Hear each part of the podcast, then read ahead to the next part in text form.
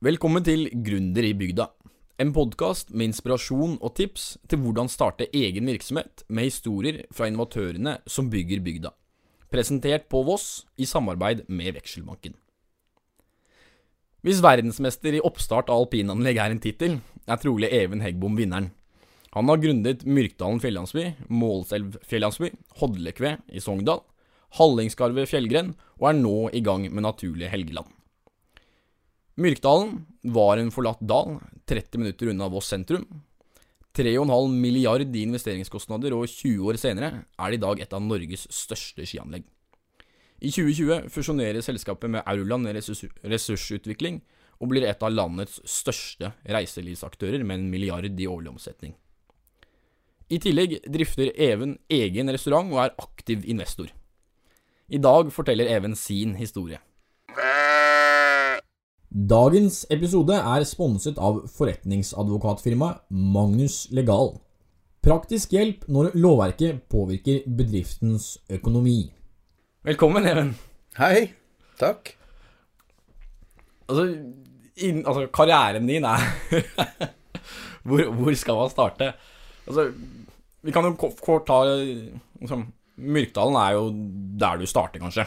Uh, det er ikke sikkert, men uh, Myrkdalen uh, har jo vært en veldig viktig del av livet mitt. Det starta jo i 1998. Og dette her er ganske tilfeldig. men jeg hadde en idé som ikke handla om Myrkdalen eller ski eller noe sånt i det hele tatt. Men det handla om å bygge noe nede i sentrum på, på Voss. Og allerede den gangen, i 98, så var det jo begrensa med tomter nede i sentrum. Men jeg hadde funnet en tomt som ingen visste om. Ok. Mm. Nå er du spent? Ja, nå er jeg veldig spent. For det er ikke så lett. Nei. Og det var en jækla svær tomt, og den var helt paddeflat. Og ingen visste om den. Eh, og det var taket på et bygg som ligger rett bak Gymnashaugen. Ja. Og ved den gamle mobilstasjonen. Så jeg hadde tenkt å bygge to leiligheter oppå det bygget. Ok. Og for å, eh, altså ikke to leiligheter, to etasjer oppå det bygget. Og for å finne ut av dette her, eh, om det var teknisk mulig, så måtte jeg ta kontakt med han som hadde konstruert dette bygget. Ja. Og det var en ingeniør som het Leif Bystøl. Ja. Han er en eldre mann nå kanskje borti 90 år. Han, eh, han er fra Myrkdalen. Ja. Og han sa det at det, dette går selvsagt an nede i sentrum her, men det er mye bedre å bruke kreftene dine oppe i Myrkdalen. og jeg kjente jo Myrkdalen fra jeg var uh, bitte liten, for um, det var jo fast, uh, fast påskeutfart til Myrkdalen, og vi hadde mye sånne skidager på skolen og sånt da. Og så, ikke minst, så hadde vi vært på konfirmantleir der oppe. Der hadde vi mye, mye moro. Eh, det var, der foregikk det en del ukristelige ting, kan jeg godt si, i tidlig alder. Men anyway eh, Det var han som introduserte meg litt tilfeldig for Myrkdalen. Og eh, når jeg kom opp dit, så så jeg faktisk bokstavelig talt lyset, altså. Så Og du kan si, mye av utfordringen Det har jeg jo lært etter hvert, men også oppe i Myrkdalen var jo at det er mange grunneiere og de har eh, sine egne interesser, særinteresser. Og i, i Myrkdal så lå det jo da seks grunneiere eh, side om side. Og i, de kjente jo hverandre godt, selvsagt, men eh, de hadde egentlig aldri hatt noen sånn tett dialog. Og i hvert fall ikke god dialog. Og ganske typisk for Distrikts-Norge er da at man, det er ikke så lett å samarbeide på bygda. Og dette så jo med en gang, men jeg er et ganske diplomatisk menneske, og jeg greide da Eh, faktisk å få disse her grunneierne til å bli enige om en felles avtalemodell.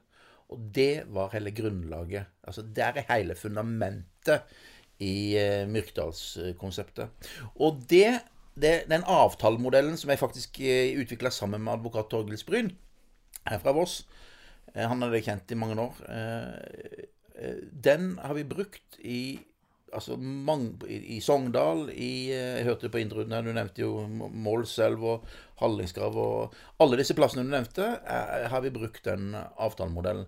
Og dette er også en avtalemodell Det, litt, det er litt komplisert å gå inn i, er ganske kreativt. Eh, men den er faktisk brukt da som eh, utgangspunkt for debatt på eh, fakultetet, f.eks.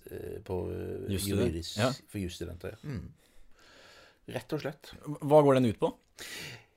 Eh, hovedelementet er enighet og fellesskap. Eh, nå skal ikke dette bli for langt, men eh, du kan si at det, i- ute i Distrikts-Norge så er det sånn at eh, en, en bonde eier ofte et, en teig som ligger ute i utmark. Der de har eh, fra gammelt av skulle hente enten beite dyra sine eller hogge ved. Og dette er helt typisk sånn ute Sikkert oppi denne lia her som vi ser rett uh, oppe i Skulstermoen. Den er sikkert eid av 20 stykker, f.eks. Sånne slips eller små firkanter. Men du vet at eh, noen av disse firkantene, eller trekantene, eller hva det nå er, eh, er veldig godt egnet til å bygge på. F.eks. hotell. Og den har da en stor verdi. Men så skal de som skal bo i hotellet, de skal da gå på, på do og bæsje. Eh, og da må, de, da må jo denne bæsjen ned i et rør i bakken, og så føres til et eller annet sted. Og da skal den ned i altså et hull i bakken, renseanlegg. Nei, men den har ikke noe verdi, tenker folk da. Men det er jo nettopp det det har. Poenget er at en skibakke, en vei, et hotell, en hytte, et renseanlegg, en plass å eh, pumpe opp vann, f.eks. Alt dette her er like mye verdt. Og så er det sånn også, sånn som eksempelvis i Myrkdalen. Noen teiger er veldig bratte og sånn sett vanskelig å bygge på. Andre er flate og lette å bygge på. Noen plasser er det stein som må sprenges, altså gråstein, og det er veldig dyrt. Mens andre da har løsmasser som er billig å bygge på. ikke sant? Men istedenfor å kartlegge alt av det greiene her, så fikk vi altså de til å akseptere at eh, et areal, uansett om det skal bygges det ene eller andre, eller hvor stort dette her, eller hvilken beskaffenhet dette her arealet er, så er det nødvendig for å kunne ta denne utbyggingen. Derfor så må vi samarbeide, og så deler vi likt. Vi deler ikke på antall kvadratmeter eller sånn. Vi deler rett og slett likt. Er det seks teiger, så er det seks deler. Så i Myrkdalen da, så får en grunneier, for det er seks stykker av de, eh, en sjettedel av inntektene som skapes hver. Og den modellen her er helt unik. Og det, det, det, det, motiverer til fellesskap, det motiverer til, til eh, å stå på sammen, ikke sant, og heie på hverandre. Eh, man unngår misunnelse og masse greier. Altså, det er en avtale som rett og slett eh, Jeg vil si det så sterkt som har skapt Myrkdal. Sånn er det. Fantastisk å høre. Det her var spennende. Altså, ja, for altså, Ta oss tilbake til starten. Altså, 1998 så driver du Voss Utvikling. Ja, eh, ikke, eh, altså ikke i eh, Jeg gjør ikke det helt da. I 1998 Altså, jeg, jeg vil gå heller lenger tilbake. For jeg har egentlig aldri eh, jobba så Eller jeg har i jobba veldig lite for andre. Helt tilbake til eh, 1987, eller 1986. Da dør min far her på Voss. Og jeg arver en bitte liten sum penger. Eh, og jeg dro da til Oslo i 1986, da året før han døde. Og eh, dette var jo i jappetiden. Og jeg var en japp. og hva betyr japp? Ja, det var høy sigarføring og eh, Ikke så veldig stolt av dette i dag, men vi hadde sånn plak gullplakett, eller messingplakett var det vel kanskje, da, på et, eh, en veldig kjent bar som var eid av Olav Thon, som heter Barokk. Og Det var fordi du hadde kjøpt sånne jækla dyre champagneflasker. Det var ganske sprøtt. Men eh, i, disse pengene som jeg arva av min far ikke, Det var ikke noen stor sum, men de investerte vi i et selskap eh, sammen med andre. Vi etablerte et selskap som heter Aksjetrading AS. Og av navnet så skjønner du at det var også da trading med aksjer. Og du vet at eh, vi tjente noe helt sinnssykt med penger på dette tidspunktet. Jeg er da på din alder nå, er noen eh, 20-21 år eller noe sånt eh, der omkring. Og eh, vi tjente noe helt sinnssykt med penger, og eh, vi, eh, vi gira, heter det. Det vil si at du, hvis vi hadde 100 000, da, så gira vi opp ti ganger. Da ble plutselig pengene Altså vi lånte de, rett og slett. Så ble det plutselig en million, og da ble det utrolig mye mer å satse. ikke sant? Og sånn foregikk det. Så vi tjente noe sinnssykt med penger. Men så kom vi til 27. eh, november, eh, oktober i 1987. da blir det et krakk. Et finanskrakk. Det store finanskrakket på 80-tallet. Og eh, det endte med at, at hele verdens aksjemarked kollapsa, og eh, bankene som hadde lånt oss disse her vi hadde, de solgte jo ut aksjene våre uten å spørre oss. Det bare, de, Boff. Og det endte jo med noe vanvittige tap, for dette skjedde jo ikke i samme dag. Det begynte jo den dagen, og så var bankene og vi alle andre som var uerfarne på dette her, trege. Og til slutt så endte vi jo med enorme tap. Eh, jeg var jo yngst av disse Vi var tre, tre eh, Kaller det kollegaer, da. Eh, som var sammen om dette her Aksjetrading AS. Og jeg var den yngste. Jeg var 21 år, tror jeg. Og han eldste her var jo nesten like gammel som min far på det tidspunktet, rundt 40. Og han andre var vel over 50. Og dette var jo erfarne folk som hadde vært i, i, i, i ulike jobber tidligere og hadde ulik forretningsmessig erfaring, mens jeg var helt grønn. Og jeg hadde lært av min far, som var politimann, og min bestefar, som var jernbanemann, at uh, uansett hvordan det går med deg, gutt, så må du gjøre opp for deg. Og jeg skjønte ikke da, kanskje, uh, at det å være i et aksjeselskap, det betyr at du skal ikke tape mer enn akkurat de pengene du har satsa. Så jeg fulgte da min far og bestefars eh, motto, og eh, jeg inngikk faktisk som e, den eneste av disse tre aksjonærene så inngikk jeg en avtale med den gangen som heter Stock Invest, eh, eh, det meglerforetaket som var vår kontakt, da. Eh, og eh, jeg tror tapet mitt var på ca. 7 millioner kroner. Og de pengene der betalte jeg tilbake. Det var jeg ikke nødt til å gjøre.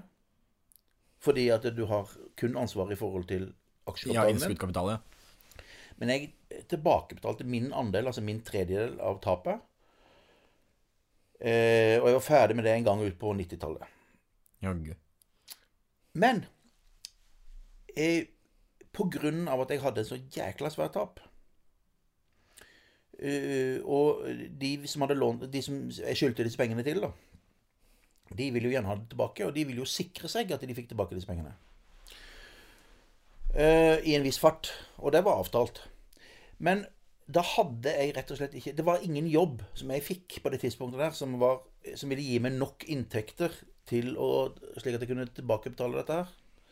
Derfor så, så jeg ikke noen annen utvei enn å uh, finne meg noe, altså skape mine egne arbeidsplasser. Men på dette tidspunktet her, i hvert fall i en tidlig fase, så var jeg såpass blakk at panting av flasker det var dagligdags for meg. Så det er en historie som jeg er egentlig ganske stolt av. Eh, og da, på 90-tallet, eh, så starta jeg eh, et firma som heter Kreativ Consulting. Mm. Og min familie har egentlig alltid vært kreative. Altså, det å se muligheter der andre ikke tror det er noen muligheter, det er min spesialitet. Å være kreativ, finne på ting, rett og slett. Og um, eh, eh, eh, I dette selskapet da, så solgte vi f.eks. Um, eh, reklame eller konseptuell Eller konseptarbeid, konseptutvikling, til kjøpesenterbransjen. Så jeg var med på den store kjøpesenterboomen, f.eks., uh, som var på 90-tallet. Uh, eh, jeg har besøkt nesten hvert eneste kjøpesenter i hele landet. Jobba for Olaf Thon, Stener Strøm, Stein Erik Hagen uh, Ja, hva de heter, alle disse her. Uh, og Men parallelt som jeg driver med dette, jeg reiser jo mye, jeg ser mye. og jeg reiser mye til Vestlandet. Og jeg hadde jo lyst til å finne på noe på Voss. Så derfor så var jeg hele tida på jakt eh, etter noe. Jeg hadde tid til det. Eh, og i 1998 så bestemmer jeg meg da for å utvikle noe på Voss, og da etablerer jeg selskapet Voss Utvikling. Mm. Og ideen er, Men jeg vet ikke helt hva jeg skal utvikle, men jeg ser jo på denne tomta nede i sentrum, som jeg nevnte, som er dette taket. Ja. Og det ble ikke noe av. Eh, og det var jo fordi at jeg kunne ikke Jeg måtte liksom fokusere på noe. Jeg kan ikke drive med alt. Så derfor så fokuserte jeg da på å se om det gikk an å få til noe i Myrkdal. Og Da har vi kommet tilbake til Myrkdalen. For én ting var eh, opplegget med grunneierne, få det i orden. Men det neste, det var å få dette regulert. For Myrkdalen hadde en eh, Det var noen som hadde laga et utkast til en reguleringsplan som hadde ligget i en skuff i ti år i kommunen. Så da var det å hente fram den, eh, den eh, Ja, for det var planen. campingplass. Det var noe camping Ja, sånne ting. Så, Ja. det. Mm. så var det å hente fram dette greiene der. Og så eh, eh, Ja, det ligger ligget i denne skuffen i ti år, men vi greide jo å få dette regulert på et år. Så det går an hvis du engasjerer deg. Og, og altså, da er du erfaring fra kjøpesenterbransjen. Eh, og den erfaringen bruker du når du må ha med deg partnere. Ja, kanskje ikke for kjøpesenterbransjen, men altså i mitt liv da, som forretningsmann fra 90 eller 80-90-tallet eh, og det, det er viktig, og det er en viktig forutsetning. Du må kjenne folk. Du må treffe folk. Så jeg har truffet utrolig mye folk. Jeg har et enormt nettverk. Eh, men eh, jeg skjønner hvor du vil henne. For nå skulle du liksom pense meg inn på, på eh, mine partnere i Myrkdalen. Det var ikke helt sånn til å begynne med. fordi at eh, eh, eh, Når jeg etter hvert fikk dette regulert, så lette jo jeg etter partnere. Og da hadde jo jeg, jeg hadde jo et stort nettverk, det var det ene. Men jeg hadde òg en Jeg hadde lest Dagens Næringsliv hundrevis av ganger. Og det jeg gjorde Jeg hadde da en stresskoffert etter etter min far, og den eh, hadde, reiste jeg da rundt med. Og besøkte sikkert ja, La oss si 25 da, eh, finansfolk som jeg hadde lest om i Dagens Næringsliv. Eh, Noen jeg kjente fra før, og folk som jeg allerede møtt før. Jeg reiste til Olaf Thon. Jeg var nede i, eh, på Sørlandet og besøkte han der i Ugland, en skipsreder. Eh, og jeg hadde flere av disse her. altså. Masse. Og stort sett så var det døra midt i trynet hver gang. Liten motivasjon. Men eh, jeg var også hos Christian Ringnes, det er jo en kjent størrelse i dag. Og så reiste jeg etter hvert inn til, eh, til eh, det som heter Møller Eiendomspartner, som eh, jeg hadde samarbeid med i forbindelse med utvikling av Bryn senter på Bryn i Oslo. Og Egil Svoren, som jeg etter hvert har blitt eh, som er en av mine beste venner, han, eh, han tente faktisk på ideen. Eh, Men han var på det, det tidspunktet der en, en junior sånn som meg, så han måtte jo òg selge dette inn da til sine eh, sjefer igjen. Men etter hvert så, så fikk vi det til. Og da ble de med som 50% partner. 50-50. Du og de. Jeg og de. Så i utgangspunktet så var det alle mine Altså disse pengene som jeg satsa på dette innledningsvis, det var mine. Men så fikk jeg med meg da eh, Møller Eiendomspartner heter og da, da investerte de jeg tror det var en sånn 600 000. Eh, og da var vi på en måte equal, altså like. Eh, og da var vi i gang, og eh, pe penger eh, Behovet er jo én ting, men du må òg ha kompetanse og ideer. Og der var jeg og Egil Svoren krutt. Eh, men etter hvert da, som vi utvikler oss videre, så hjelper det så, Altså, vi, vi er i Myrkdalen, der ingen skulle tro at noen ville bo. Eh, og ingen hadde hørt om før. Eh, og det var viktig da å overbevise banker. Det var viktig å overbevise an, altså disse andre sjefene inn i, i Møller-systemet, f.eks. Eh, om at eh, dette er det noen som har tro på. Så Derfor var det viktig for oss å hente inn en partner. Og da henta vi inn Petter, en annen veldig god venn av meg som heter Petter Grendal, eh, i Grendal Holding. Eh, og det var en relasjon som eh, Egil Svoren hadde gjennom Møller-systemet. Og han solgte vi da, jeg mener det var 20% av aksjene våre til. Jeg solgte mine 10, og- eller 10% av mine aksjer, og, eller ikke 10% av mine aksjer, men 10% av aksjene. Og så solgte Møller også 10 av aksjene til han, da. Og da betalte de en pris som gjorde at vi, vi at, at det, eh, Eller han betalte en pris som vi kunne dokumentere overfor sjefene til Egil. Se her, vi har fått en investor som er villig til å Han har tro på dette. Og vi kunne også bruke dette her i, i ulike banker, da. Mm. Så sånn var det. Og de pengene som jeg eh, fikk for de, og de pengene som for så vidt Møller også fikk for de, de investerte vi nytt på nytt igjen inn i, i uh, Myrkdalen, da. Og liksom Dere starter da med en forlatt dal og bygger et Altså, hvordan foregår den utviklingen der? Nei, altså, du må ha veldig tro på ting. Og det hadde jeg.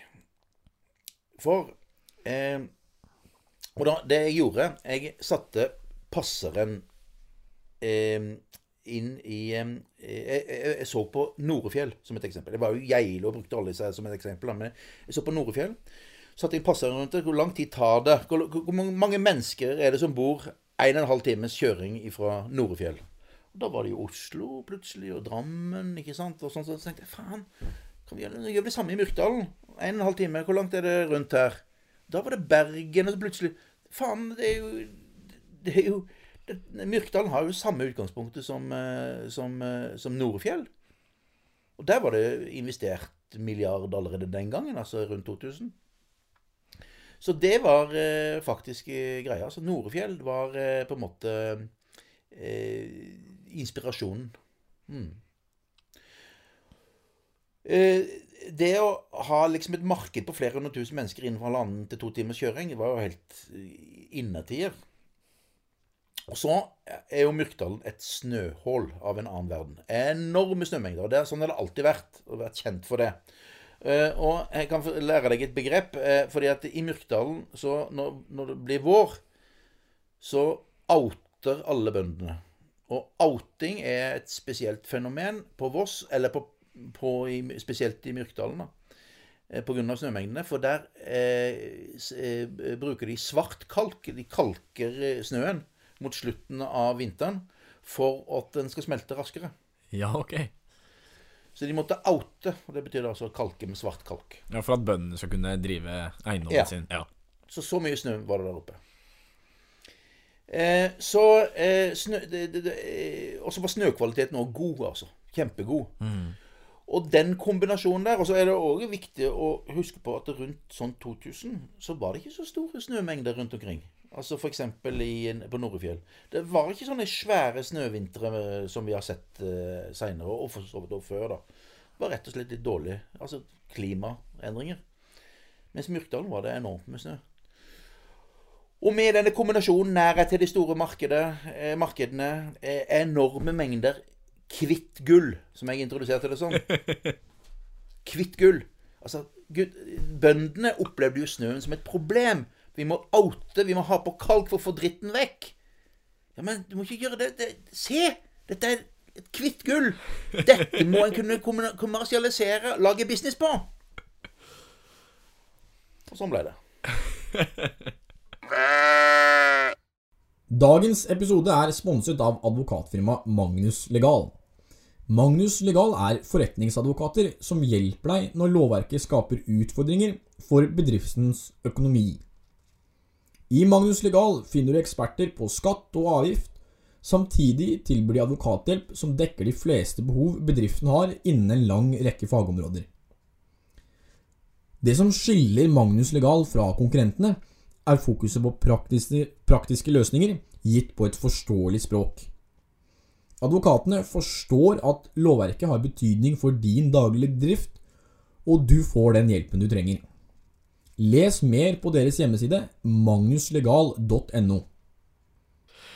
Ja, altså, ja, og hvordan gjør man business av hvitt gull? Altså, du, du bygger hytter. Ja, altså eh, i, min, mine forretnings, eller min forretningsmodell i de prosjektene du nevnte, eh, handler om eh, du, du snakker om alpinanlegg. Men altså, alpin, eller skidestinasjoner, det er ikke det som er det sentrale. Det er destinasjonsutvikling. Og det trenger altså ikke nødvendigvis ha med alpin eller ski å gjøre, men destinasjonsutvikling. Eh, men i Myrkdalen så var det gudeskapte forutsetninger for alpin pga. terrenget, snø og høydemeter. Eh, men å investere i skianlegg eh, var i hvert fall på 90-tallet en kjemperisiko. Det var en, flere skianlegg over hele landet som hadde gått konkurs. Eh, spesielt DNB og mange andre banker tapte noen enorme penger. Så det å låne penger til å investere i skianlegg, det kan du bare glemme. Altså. Det var helt umulig på det tidspunktet. her. Og, men hva gjør vi da? Jo, da må du skaffe penger på annet vis. Og der eh, kommer altså hyttene inn i bildet. Hytter for salg eh, er liksom valutaen i mine prosjekter. Greier du å selge hytter, så får du inn penger som du kan investere f.eks. i skianlegg. Men det er ingen som gidder å kjøpe hytte oppe i Myrkdalen uten at du garanterer at det kommer et skianlegg. Ikke sant? Så det vi måtte gjøre da, det var at vi, vi solgte hytter, og jeg var den aller første som kjøpte den aller første hytta. Den betalte jeg 1 580 000 for. Det var den aller første hytta som ble bygd der oppe. Og når jeg kjøpte den for 1 580 000, så var det en stor sum for ei hytte på Voss, altså.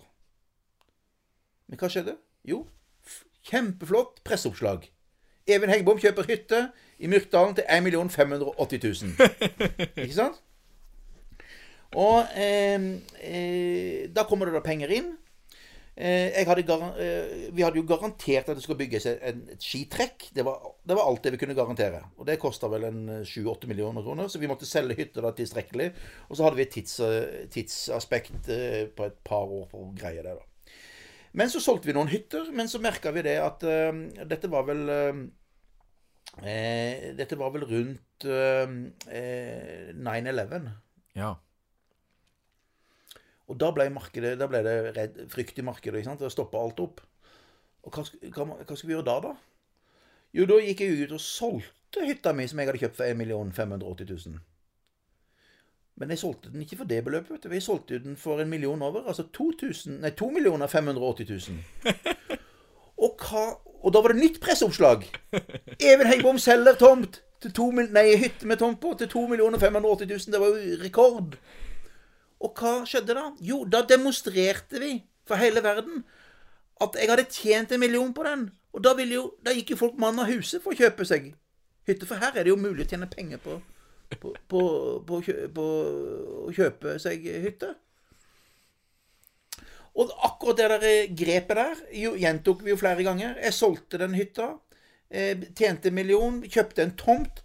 Eh, og til slutt så hadde jeg kjøpt en tomt der oppe av meg sjøl for en, jeg tror det var 1 million Var det 1,8 millioner eller noe sånt?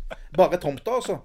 Og da var det presse, det var oppslag i første side i Bergens eh, Tidende, eller Bergens Arbeiderblad, jeg husker ikke helt, eh, at Heggebom har liksom rekordpris. Prisene går i været. Men så solgte jeg den, så gjorde vi akkurat sammen der. Så dette bidro jo til at folk begynte å hamstre tomter og eiendom oppi der. Altså, du- kjøpte, du kjøpte og solgte deg selv, nesten? Ja, altså, det er, jo ikke, det er jo ikke helt sånn, da. For det at uh, Voss Utvikling, som det heter, er jo selskapet som står bak. Og det er riktignok et selskap som jeg er en del av. Men det er en, en eget juridisk subjekt. Ja, Ikke sant? Så eh, vel, du kan si det sånn enkelt fortalt at jeg kjøpte og solgte meg sjøl, men jeg kjøpte jo Ja, formelt, av, ja. av selskapet med mine private penger. Og, og det gjorde du Altså, det funka? Funka som fanken. Og det har jeg gjort, eh, det der grepet har jeg gjort mange plasser. Funker. Fantastisk. Og det Det er jo kanskje en fin måte også å se prishistorikken på, da. Altså, Absolutt. For du får Og det, er, det jeg har lyst til å si, som jeg synes, eh, som, som, Altså, alle som har kjøpt seg eiendom i Myrkdalen, har hatt pris, en vanvittig prisvekst. Og sånn sett da Flere har blitt millionærer. Og de som ikke har solgt, er jo også millionærer, for de har fått verdier, ikke sant? Ehm, og den hytta som jeg eh, da kjøpte for 1 580 000, har jeg hørt rykter om er solgt seinere eh, for eh, nesten 5 millioner. Jaggu.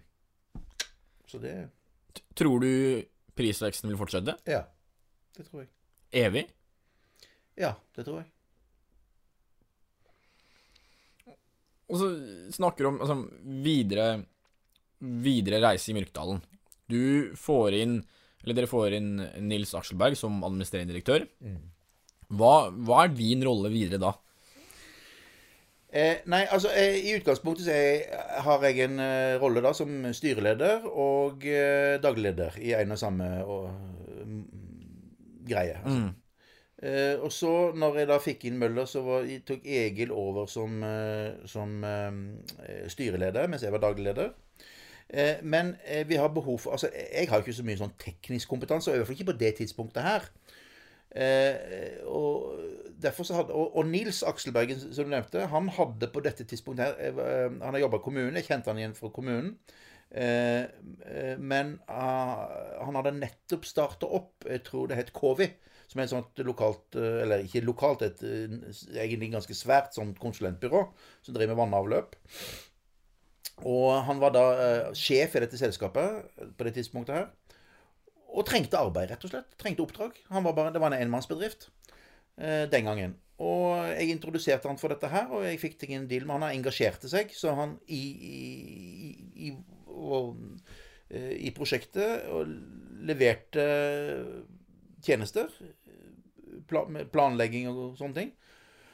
Eh, og det gjorde han vel i et par år, før dette begynte å bli så svært at vi trengte en som kunne være sjef. Og han hadde vært med veldig lenge og, og, og kan mye teknisk.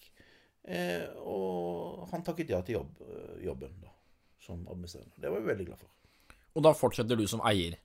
Da er jeg eier, eh, styremedlem, men jeg har jo også roller, ulike roller. Jeg hadde f.eks. ansvar for politikk. Eh, altså I sånne prosjekt så er det mye politikk, det er regulering. Du skal ha med deg politikere, skape støtte. Hadde mye med presse å gjøre. Pressekommunikasjon.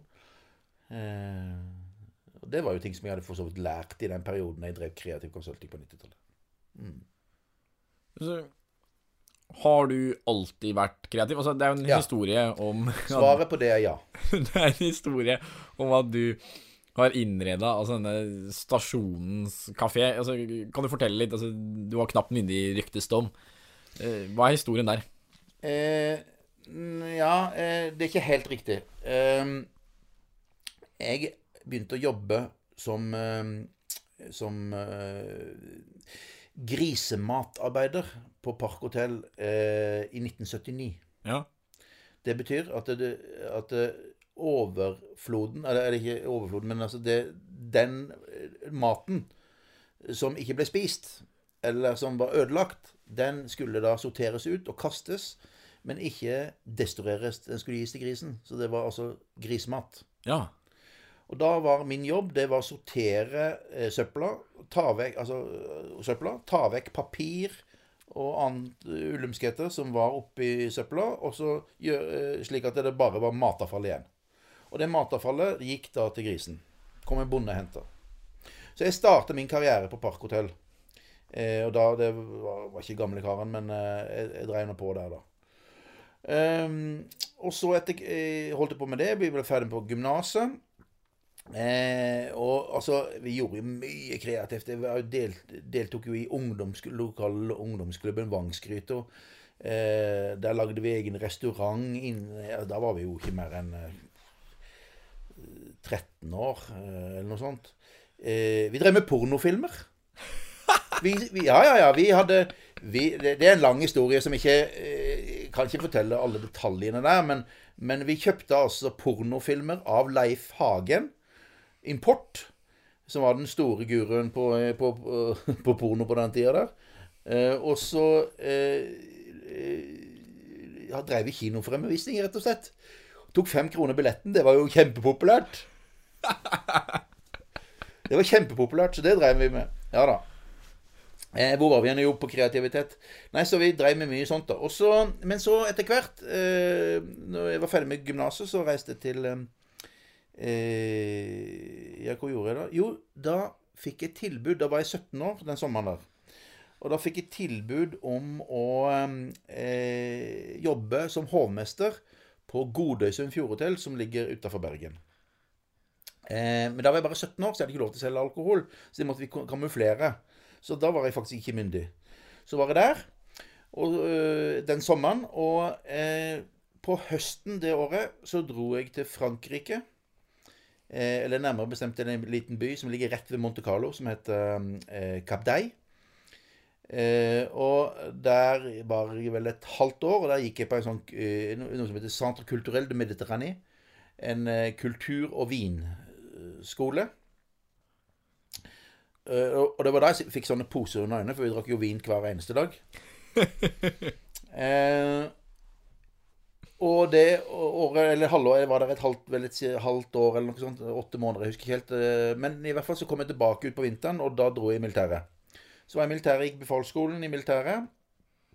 Var en tur til Nord-Norge. Og mens jeg er i Nord-Norge, så ringer de fra Parkhotell og lurer på om jeg kunne tenke meg å eh, starte restaurant.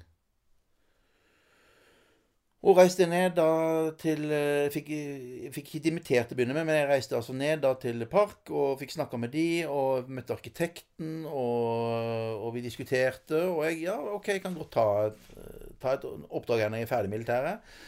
Ja, men de ville ikke, var ikke interessert i å vente på at de var helt ferdig i militæret, da. Så jeg måtte jo prøve å få dimittert før, og det fikk jeg etter hvert, da. Eh, og da kom jeg dit og starta Eller da var det så, så smått i gang. Og jeg overtok da etter en som heter Per Inge Brekke, og drev denne butikken.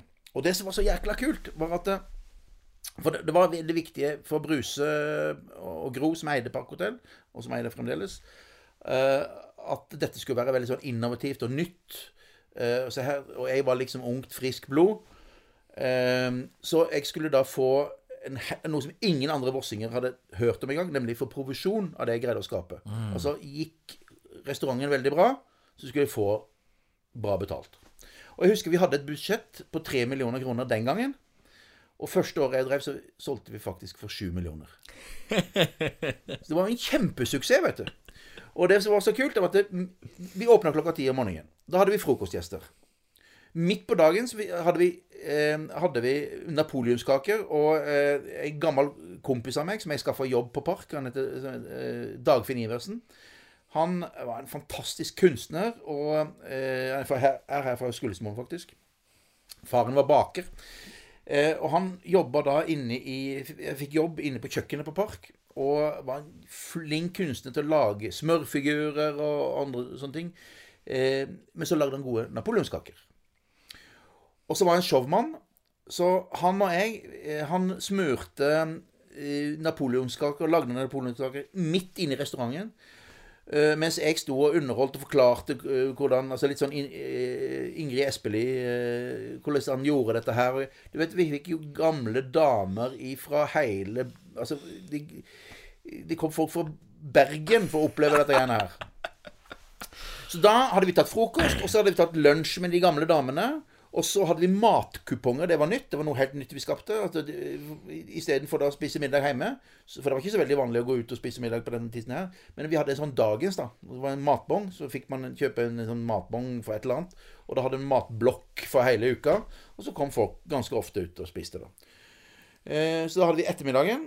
Og så, på kvelden, så dempa vi belysningen. Dro for gardinene. Eh, eh, Endra layouten på det som på dagen hadde vært en kafédisk, til å bli en bardisk.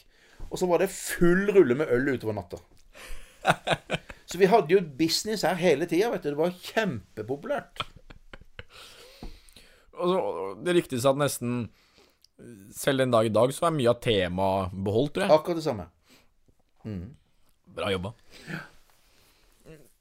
Og litt tilbake til altså, Du liker ikke at jeg kaller det alpinanlegg, men alpinanlegg Altså, Myrkdalen er ikke den eneste destinasjonen du har bygd opp. Nei. Altså, vi, vi, vi kan jo sitte her resten av kvelden og ramse opp eh, destinasjoner. Altså, hva Hvorfor så mange?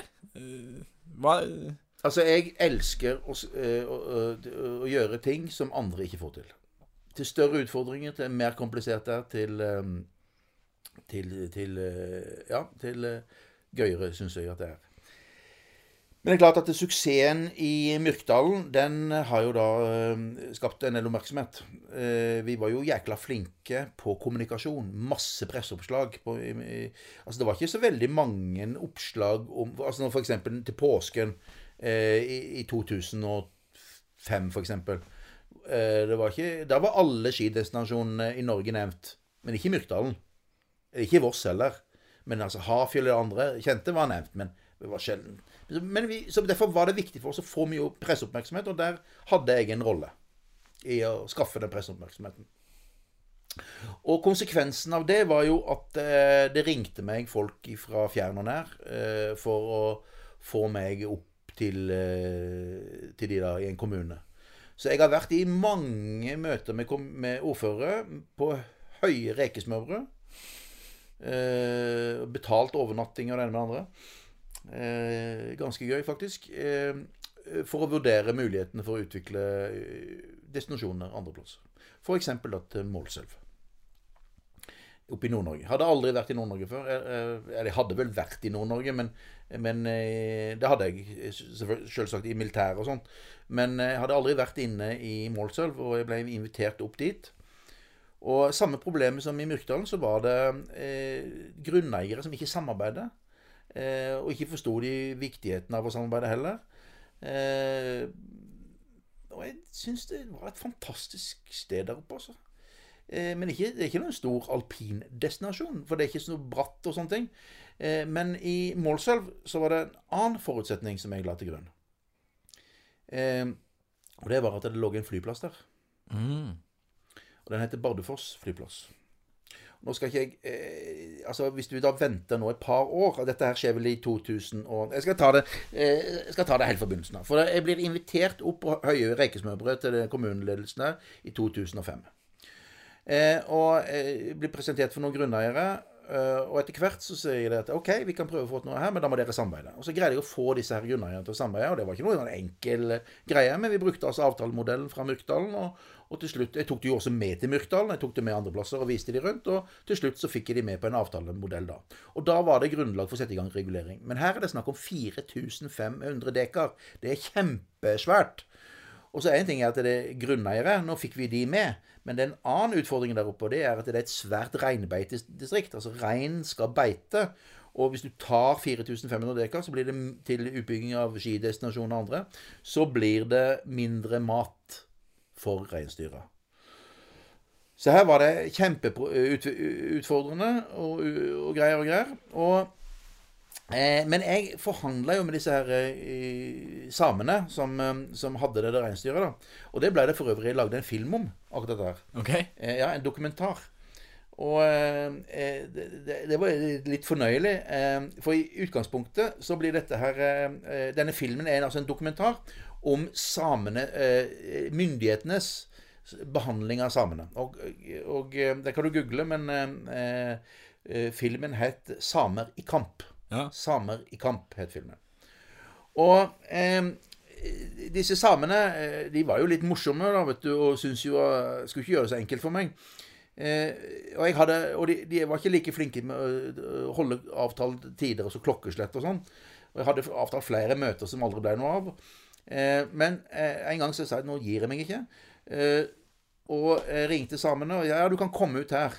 Og da var de en plass utenfor Målselv. Egentlig et godt stykke unna. Og det var på kveldstid. Og de drev og sanka reinsdyr. Og Ja, men da kom jeg ut dit. Ja, det er greit. Men du, Heggbomben, før du, før du, før du drar ifra Målselv, da må du dra innom polet og kjøpe en flaske vodka. Og jeg selvfølgelig gjorde jo som jeg hadde fått beskjed om, reiste inn og kjøpte vodka. Kjøpte faktisk to flasker vodka, og så dro jeg med meg da i dette her. Og, og så fikk jeg en, en, en, en til å kjøre, en av disse grunneierne som vi hadde avtale med, til å kjøre meg dit til eh, der de var. Og dette var som sagt på kveldstid. Og når jeg kommer dit, så er det mørkt. Dette er jo på vinteren. Og det var vanskelig å se, og dette er helt nede ved sjøen, der de satte opp ei sånn gammel sametelt. Ja, der er en heggbom, vet du. Så kom jeg da ut av bilen med en polpose med to vodkaflasker, og det filmes og det ene med det andre. Og eh, nok om det. Eh, men nå skal du se, Heggbom, før vi begynner å prate her. Så tar han fram et gevær, og så Ser du der borte? I fjæra. Se der borte, der der. Ja, så ser han, ja, det er en stein der borte. Ja, følg med nå, sa han. Dette var sikkert 100 meter. smelte av, og så Bli med her nå. Og der borte så ligger det framme ei død kobbe. Ja, sel, liksom. En sel. Ja. Jeg trodde det var en stein. Nei. Og den dro han med seg da, og slakta, og, og eh, vi spiste dette her og drakk vodka. Og alt dette her blir filma av denne samer i kamp. Men det det blir filma det, det som er hele vrien her, da Egentlig så var det litt stygt mot meg. Eh, men, eh, men For dette går liksom på kampen mellom den svarte og den hvite, altså urbefolkningen i Amerika. Ja.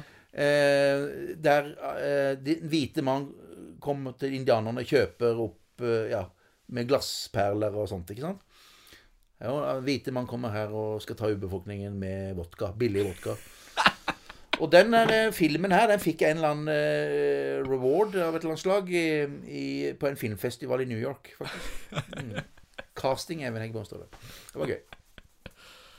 Eh, nå sporer vi kanskje litt av her, men eh, eh, jo eh, Og for å løse den floken, eh, og for å få endelig orden oppe i Målsøm med, med, med disse samene, da eh, Det hjalp jo med litt vodka, men det var også en annen situasjon som måtte løses. Fordi at eh, Forsvaret hadde eh, gjennom mange tiår brukt mye av arealene til samene og til, til treningsterreng. Og det likte samene dårlig. Og de ønska en avtale som de allerede fått gjennom flere år. altså. Med, det var vekslende forsvarssjefer og forsvarsministre. Og ingen hadde fått til noe. Så jeg dro faktisk talt med en annen kollega av meg og besøkte den gangen forsvarsminister eh, eh, Anne Grete Strøm Eriksen, heter hun. Og vi løste altså den 30-årskonflikten eh, mellom Forsvaret og samene eh, ved hjelp av henne. Og eh, statssekretær Barth Eide, husker jeg han het. Eh, så eh, ja. Eh, men så hadde vi løst alt det der, og så tilbake til flyplassen. For flyplassen var viktig. Og den ble da seinere døpt om til Snowman International Airport. Og da var Trond Giske eh, sånn eh, minister. Eh, nå ble han sjuk, så han sendte en annen, minister som jeg ikke husker navnet på. Så hun kom opp og, og døpte liksom i flyplassen til Snowman International Airport. Og jeg nå skal jeg forklare hvorfor den flyplassen var, var så viktig. For i Finland, i Nord-Finland, nærmere bestemt i Lappland, så uh, Der har jeg vært noen ganger og sett, og der er det registrert. Det er kaldt som fanken. Det er Om sommeren så er myggen stor som duer. Og um, det er flatt som en pannekake. Men det er altså flere hundre tusen turister som blir flydd inn. Og um, eh, hvis vi da måler i tid til de store markedene, altså fly til London f.eks., så er det ingen feriedestinasjoner i Norge som ville være nærmere de store markedene enn Målselv. Så det tente jeg på. Det brukte jeg som argument for å satse der oppe. Og så var ikke vi så opptatt av selve ski. Altså Ski skulle være, og alpin skulle være en del av pakka. Men hovedgreia var jo den flotte naturen. At det var kaldt. At det var nærheten til sjø. Det hadde ikke eh, finnene, f.eks. Eh, alt det der er der. Eh, hundekjøring, opplevelser som nordlys, eh, lage snømann, samer, reinsdyr Altså, vi hadde så mye. Det var greia der oppe, og ikke alpingreia i seg sjøl. Og det ble òg en, en, suksess, altså. Vil jeg si. Vi, det ble jo, mens jeg var der oppe, så ble det utviklet Vi investerte 700 millioner. Og, så, men vi opplevde også en finanskrise. Vi gikk en ny finanskrise. Det var i 2007 og 2008. Og da stoppa jo all, alt, alle inntektene opp. Vi fikk ikke solgt noen særlig hyttetomter lenger. Og det ble jo selvfølgelig en utfordring. Men på det tidspunktet her så var eh, staten ute og etablerte et nytt investeringsforetak som skulle være et sånt eh, Ja, et, et, et, et, selskap som skulle investere i prosjekter rundt omkring for å bidra til vekst i landet vårt. Eh, men det var et kommersielt foretak som skulle ha avkastning. Og jeg greide faktisk talt Det tok jækla lang tid. Men jeg fikk faktisk Dette selskapet het Investinor. Og de, den første investeringen de gjorde i reiselivet i Norge etter det ble etablert, den var i Målselv. Og når det var gjort, så eh, Da var liksom hadde vi kommet over den der kneika eh, med finanskrisa. Og ja, da følte jeg at det da var min tid over. Eh, da hadde jeg gjort jobben. Det var skapt. Det vil alltid være der. Eh, jeg tenkte andre kandidater til å drive det videre. og da ja, for I 2011 da, så gikk du av som direktør, stemmer ikke det? Jeg vet ikke det var i 2010. For jeg, ja, okay. jeg var med noen år etter det òg. I hvert fall et år. eh, etter det. Og så gikk det faktisk alt eh, etter hvert over ende eh, i konkurs. Det var etter min tid. Men eh, det er full fart der oppe i dag i dag.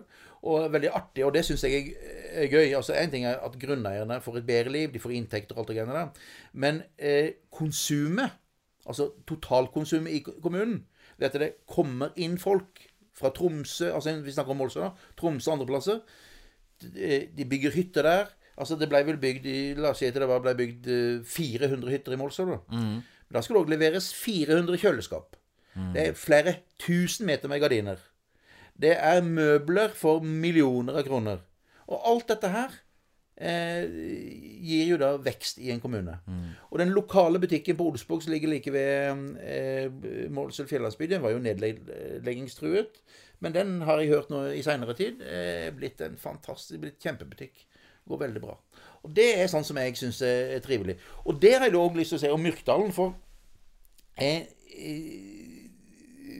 det var ikke eh, Voss var ikke noen hyttekommune. Det var ikke mange som dro på, til hytte på, på Voss. Det var litt til Mjølfjell og litt her og litt der.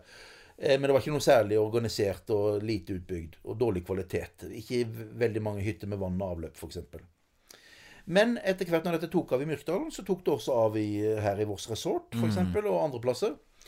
Og, konse og, og, og konsekvensen av dette her er at bergensere og andre de kommer jo til Voss, kjøper varene sine på Voss. Og i 2000 så var det handelslekkasje fra Voss til Bergen og til andre plasser. Men i 2010 så var det motsatt. Da var det jo Da dro jo folk til Voss. Altså En bergenser har jo sitt dekkhotell på Voss istedenfor i Bergen. Sant? Jeg snakka med gründer altså, Ståle Rølin i Ja. Voss Byggsenter. Han også trakk fram det. Ja, Og hvor mye glede de har hatt av Myrkdalen. enormt. Men altså, etter at uh, Målselv altså, går eh, konk, så prøver du å kjøpe det opp. Uh, hva var prosessen der? Nei, altså, jeg prøver å kjøpe det opp fordi at eh, jeg blir kontakta. jeg hadde et veldig godt forhold til kommunen der oppe og andre, og de ville veldig gjerne at jeg skulle kjøpe det. Eh, og jeg hadde jo for så vidt eh, Hadde ikke så Jeg var litt sli- jeg, Et år så dro jeg Hadde jeg 250 flyvninger. 250 flyvninger på ett år. Det er nesten én hver dag. Ikke sant? Jeg var ganske sliten av der greiene der. Eh, Men jeg syns, jeg syns jo at det stedet fortjente et bedre mm, liv enn jeg fryktet det kunne få. Så derfor så prøvde vi å kjøpe det opp. Men det gikk ikke. Det gikk ikke. Eh, Det er jo et medieoppslag her i etterkant eh, som du har fått mye omtale for. Med at du kommenterer at det er et jævlig dårlig skianlegg. Hva Det var en ut, utrolig eh, lite velfundert kommentar som jeg angrer bittert på. Men jeg kan forklare den. For dette det var et dårlig skianlegg. Hvor legger du det? hvis en ser det i forhold til eh, eh, eh, de der eh, store eh, eh, skidestinasjonene som f.eks. Trysil, og de som driver med mye sånn offpist. Mm, Frilans. eh, Ja. ja. Der var og, Altså Norges beste skianlegg er jo i Narvik. Mm. Kanon. Med fantastiske muligheter. Så det, og, det, og, det, og som jeg sa i, sted, i, når du spurte meg noe annet, at, at det var liksom ikke ski som var det vesentlige her. Dette var for barn, barnefamilier og for nybegynnere. Eh, og vi tenkte dansker eh, altså vi, Tilbake til flyplassen. Vi tenkte dansker, engelskmenn, andre store markeder inn. Det var de som skulle eh, bruke disse. For hvis det blir for bratt, så, så får ikke folk til å gå på ski av de store massene.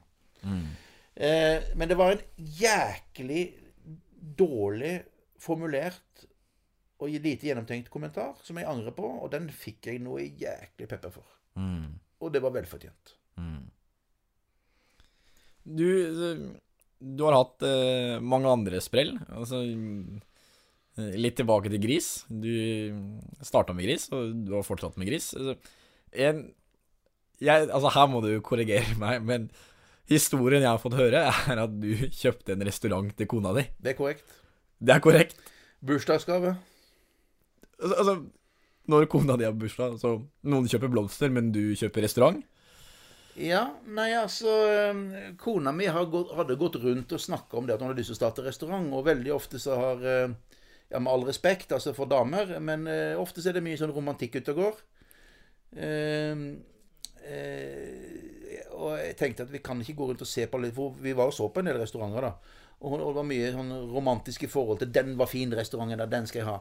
Men, men det blir ikke det penger av, vet du, å kjøpe noen sånne romantiske greier. Så derfor tenkte jeg her må jeg, dette må jeg, ta, her må jeg ta skjeen i egen hånd og slutte å diskutere. Nå må jeg mine, gjøre mine egne vurderinger ut fra rene kommersielle altså hvilke kommersielle muligheter som ligger her. Og så bare ordner jeg det. Og så kjøpte jeg den restauranten. Vær så god. Her har du fått en restaurant. Og det så jo ikke ut i den restauranten der. Men når det ikke ser ut, Så ser kan- du muligheter. da kan det jo bare bli bedre. Ikke sant? Det var det som var gøy. Nei, Hun skulle ha ferdigsnekra de møblene og de der greiene. Drit i det. Nå skal vi kjøpe noe ordentlig dritt, og så skal vi bygge det opp fra scratch. Mm. Og da kjøpte jeg restauranten hennes. Ja, og, og så, bare sånn for å trekke fram altså, Dagens Næringsliv har testa dere, og du scorer jo svært høyt. Ja, det er mulig, men eh, hvis du eh, en, en enda viktigere kanal som sier noe om akkurat det du er inne på nå, er Tri TripAdvisor. Ja. TripAdvisor er jo verdens største portal. Og eh, vi er vel kåra til Det varierer litt. Nå har jeg ikke sett noe pga. korona sånn på stund hvordan det ligger an, men i hvert fall før korona satte i gang, så var vi, lå vi på 14.-15.-plass av restauranten i hele Norge. Jaggu.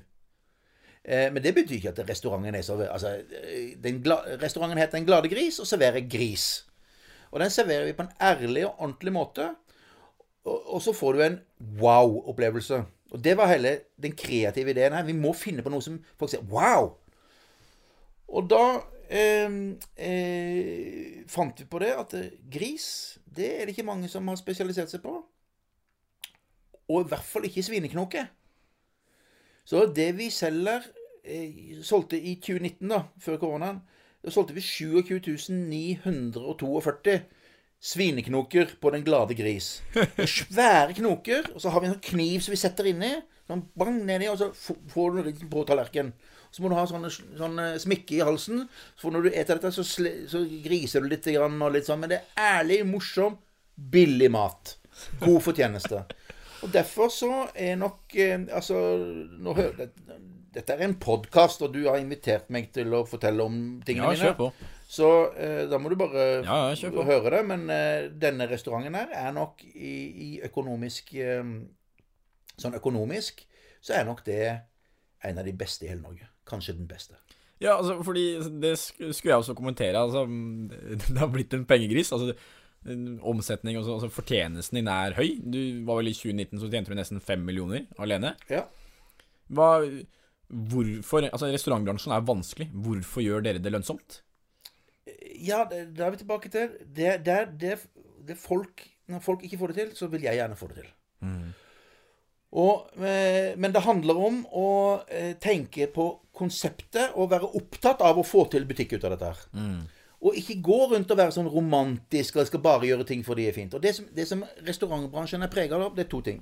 Det ene er eh, at eh, kokker er for opptatt av eh, kvaliteten. Jeg mener ikke at de skal servere eh, dårlig kvalitet, men de er for opptatt av kunsten og renommeet i forhold til maten. Eh, og hvis du ser på f.eks. Eh, gourmetrestauranter rundt i hele verden Det er ingen av disse tjener penger, men det er fantastisk mat! Men ingen tjener penger. Får ikke til. Det er for mye dubbeditter, det er for lite effektivitet. Det er for mye sånne, ja, sånne ting som man ikke tjener penger på. For dyre råvarer. Så da må vi gjøre det stikk motsatte. Men når du, kommer, når du kommer på en sånn her gourmetrestaurant, så ser du ofte 'wow, det smakte så godt'. Åh, det er deilig i munnen, smaker helt fantastisk. Ser flott ut på tallerkenen.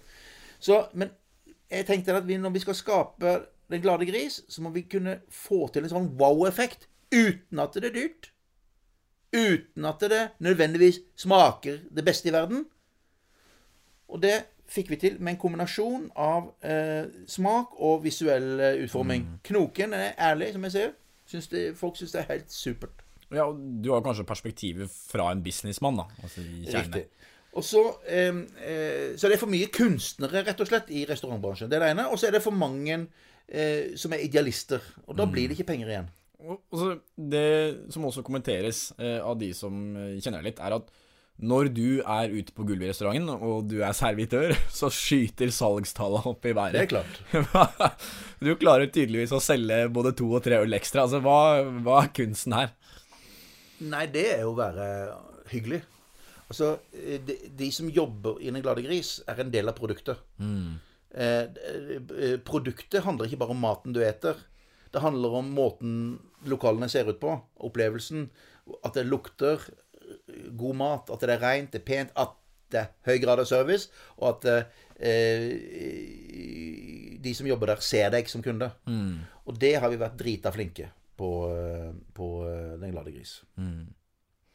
Eh, faktisk så er det sånn at eh, Og min eh, skal vi si, rolle som destinasjonsutvikler har, også, har vi òg brukt i Den glade gris. For Den glade gris er blitt en destinasjonsrestaurant. Ok. Det betyr at folk kommer til Oslo kanskje i ens ærend for å oppsøke Den glade gris. Sånn som i gamle dager, i- for, sånn på 80-tallet og sånt, nå, så dro vi, tok vi Kiel-ferga til Kiel. Det var en sjelden kom en tysker til Oslo. Det var nordmenn til Kiel for å øh, kjøpe øl og billig øl og gå på pub der nede, for så å ta båten tilbake og full fest på båten. Nå er det tyskere som kommer til Oslo, oppsøker Oslo, og som eh, skal på den ene kvelden eller ene dagen de er i Oslo, oppsøke Den glade gris. Så eh, i forbindelse med, med, med eh, korona nå, så skulle jeg argumentere for eh, at vi trengte litt sånn koronastøtte, som alle andre. Og da skrev jeg at eh, Den glade gris er en destinasjonsrestaurant. Jaggu. Og Holdt jeg på å si Altså, snakker om destinasjoner. Altså, litt tilbake til Myrkdalen. Uh, vi, vi har snakka godt og lenge. uh, Myrkdalen, så har du også investert mye. Uh, dere har eh, lagt ned ca. 3,5 milliarder. Nei, det, det her har du misforstått. Okay. Eh, Det er ikke sånn at eh, eh, Altså, selskapet Voss Utvikling får, Når det ble etablert av meg alene i eh, 1998, så har det et organisasjonsnummer. Det organisasjonsnummeret er der fortsatt. Men så har vi skifta navn et par ganger. da. Så det er det samme selskapet. Um, eh, det er ikke det selskapet alene som investerer de 3,5 milliardene. Det vi sier, er at det er investert Ja. 3,5 milliard. Men da må du ta med alle hyttene. Og uh, alt det som enkeltpersoner har gjort også, ikke sant? Ja. Så den eh, investeringsporteføljen eh, til selskapet eh, eh, Vårs Utvikling, som senere bytta navn til eh, Myrkdalen Fjellandsby, eh, det er mye lavere enn det. Ok? Eh, men, eh, og jeg har ikke det tallet akkurat nå, men, eh, men konsekvens Men altså det selskapet har investert i, er jo skianlegg, hotell, eh, infrastruktur og sånne type ting. da. Hvor mye tipper du det har kosta? La oss si at det er snakk om en milliard. da. Ja. Og Så over egen bok så er det investert ca. en milliard. da. Ja, ok. Eh, Det må ta litt forbehold, for Ja, huske ikke disse ja. tallene. Mm. Men altså, du var eh, 50-50-partner, og så har du solgt deg litt ut. Og så i 2010 så selger du deg helt ut, cirka. Mm. Eh, Tjente du penger på det? Ja. Mye? Greit nok. Hva? du, ok. Altså, fordi da Hvorfor selger du deg ut da? Eh, det er flere forhold. For det første så eh, i et sånt altså, eh, det, det er ingen av investorene som har vært inne i dette prosjektet, som har tjent noe som helst. Eller tatt ut noe utbytte eller noe sånt. Fordi at det, i et sånt prosjekt, og det gjelder alle prosjektene vi har vært inne i, de, er, de krever veldig langsiktighet. Og, og ikke bare langsiktig, men nye investeringer hele tida. Vi har investert nye vi har hotell, det kommer nye skianlegg hele tida. Sant? Hele tida. Og da er det stadig vekk behov for penger. Og jeg var jo ikke den som, som hadde mest, og som kunne liksom eh, investere med, likt med de andre. Og, og eh, det som ville skjedd da, var jo at jeg ville til, eh, ha blitt utvanna på veien. Eh, så eh, derfor så fant jeg det fornuftig å, å selge meg ut på det tidspunktet. Men jeg har jo vært involvert både strategisk, taktisk eh, og fysisk eh, helt fram til eh, i, i mars i fjor. Mm. Ja, for, ja, for, så vi kan godt ta det. For altså, da, i mars i fjor, så fusjonerer Myrkdalen fjellandsby med Aurland ressursutvikling. Ja. For, fortell litt om den prosessen. Det var en stor drøm. Det har jeg holdt på med i mange år. Eh, Jeg og Egil Svoren, eh, kameraten fra eh, Møller, jeg og han, vi har hatt en ambisjon om at Myrkdalen skulle kunne være én aktør i et, i et Altså, det som var vår tanke, det var at vi skulle utvikle en stor, tung reiselivsbedrift i Norge, som gjerne kunne børsnoteres, men den skulle være på land. Altså de vi da eh, kunne eh, Konkurrentene her ville være Hurtigruta, eh, f.eks., eller Norwegian som fly, flyselskap, SAS eller andre. Ingen hadde utvikla en, en, en, eh, en turist, turistdestinasjoner på land. Og Da var ideen å bygge turistdestinasjoner fra eh, sør i Norge, langs kysten, oppover til Nord-Norge. Eh, eh, Siva var en av aktørene. Siva er en sånn, i- sånn, sånn um, statlig eh, fond, nærmest. De eier alle næringshagene i Norge. Riktig. Og det var et statlig fond som hadde investert f.eks. De bygde bygg for eh, ja, sånn næringshager og industribygg og sånne ting.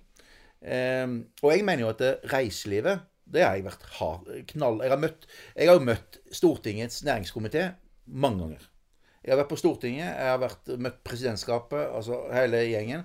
Og da har jeg snakka om at det, vi må industrialisere reiselivet.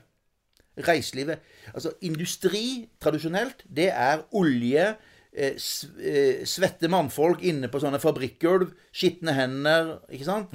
Industriarbeidere. Og eh, jeg kan ikke forstå hvorfor ikke myndighetene og, norske politikere kan forstå at, at eh, industri er òg reiselivet. Og det er, en, det er en industri som vil vare. Den går ikke tom sånn som olja i Nordsjøen. Den kan være der hele tida hvis vi har evne til å ta vare på det og gjøre det riktig.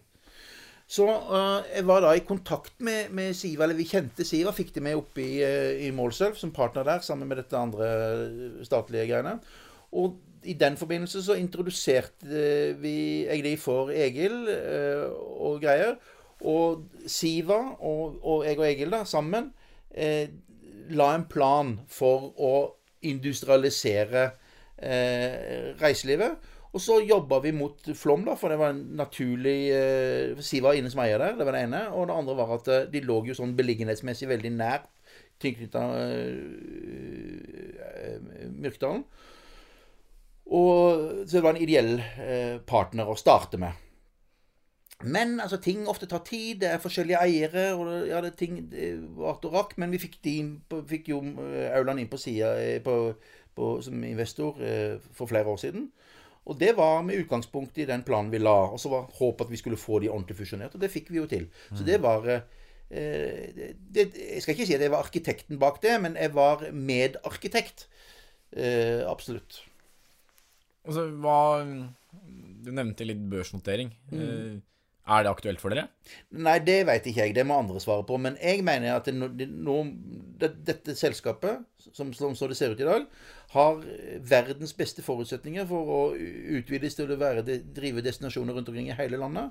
Og en mulighet da for å finansiere, å finansiere dette på, er da gjennom børsnotering. Altså, fordi, altså, kort om det altså, Det starta som Møller Eiendom, men de skilte familien, og ble Skjage. Eh, og de er vel 107 Norges rikeste eller noe sånt, de brødrene der. Hvordan har det vært å samarbeide med de? Det er helt eh, kjempemorsomt. Det er helt vanlige folk. Du trekker fram Egil Svåren, som har, han starta som en junior, men han er vel administrerende direktør der nå? Det er korrekt. Det er kjempefolk. Jordnære, ordentlige, ærlige folk. Hardtarbeidende. Eh, så det har vært veldig bra. Veldig bra. Og du har også hatt med deg på noen andre prosjekter også? Det har jeg. Altså, når, vi, når jeg driver prosjekter altså, Hvis jeg skulle blitt steinrik, så hadde jeg valgt en helt annen metode. Men jeg, jeg har ikke vært så opptatt av det. Jeg har det kjempebra. Kjempebra har jeg. Eh, men, men jeg syns det er gøy å få til ting. Og gøy å få til ting sammen med folk som jeg liker. Og dette forholdet mellom meg og Egil og, og familien han jobber for, nemlig Skage, har vært helt fantastisk gjennom alle disse årene. Og det har vært eh, kjempemoro. Absolutt.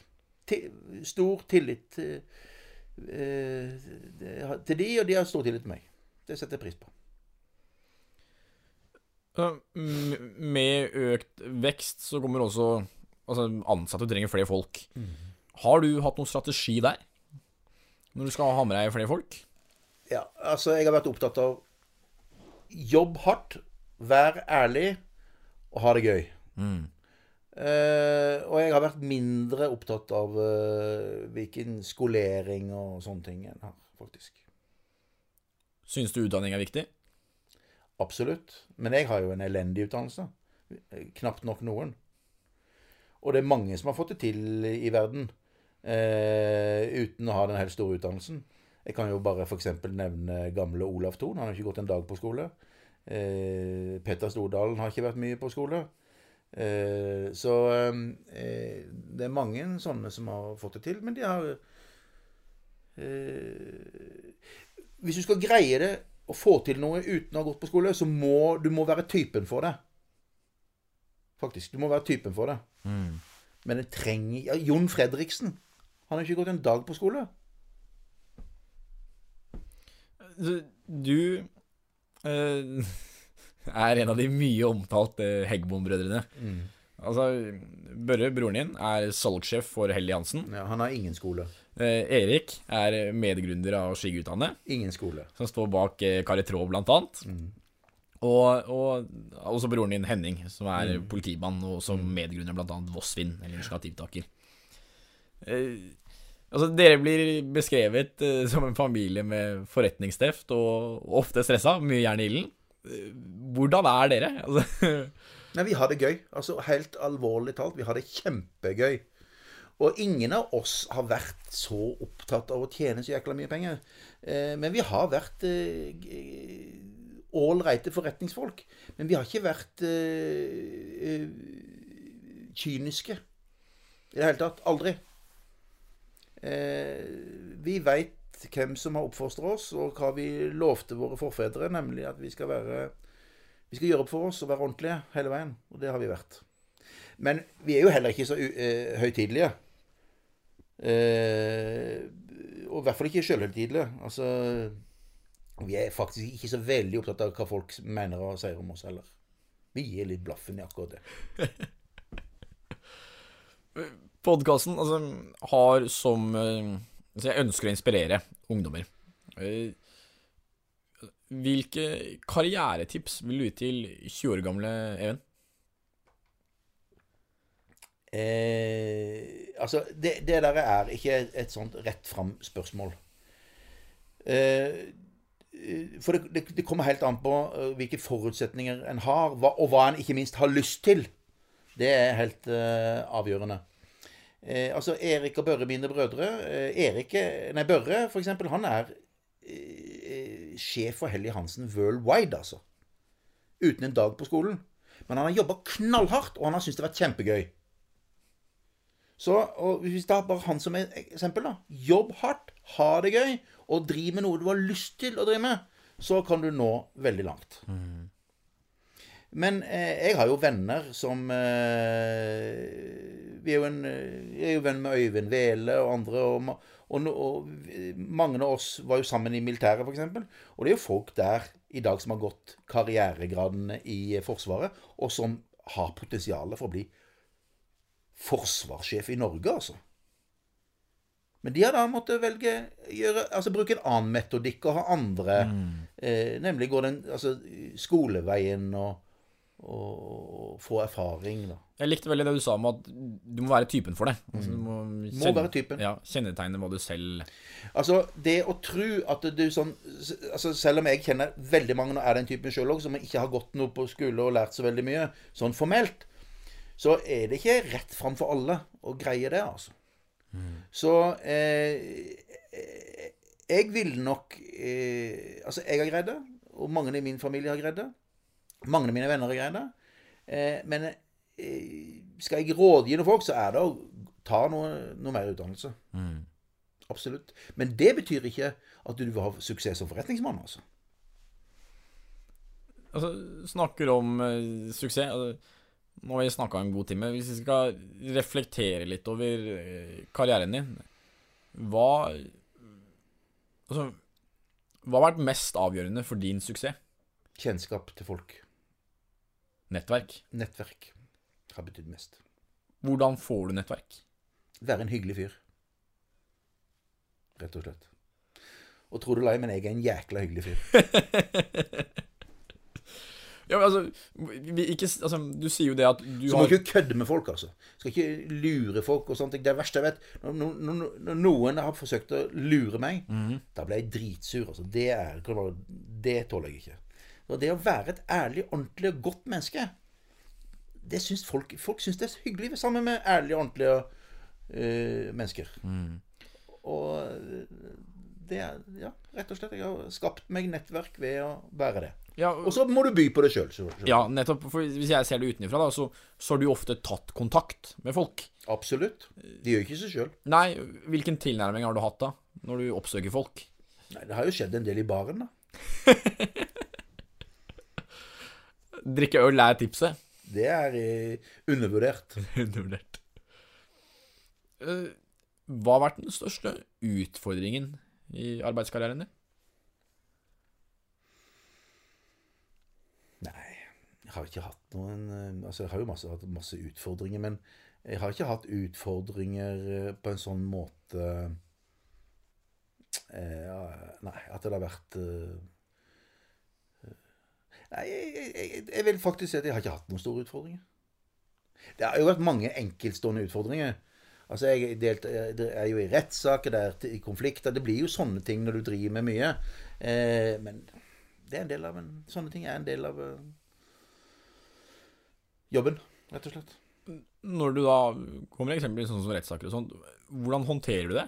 Hva Nei, det er bare å kjøre på det og eh, gjøre det beste ut av det.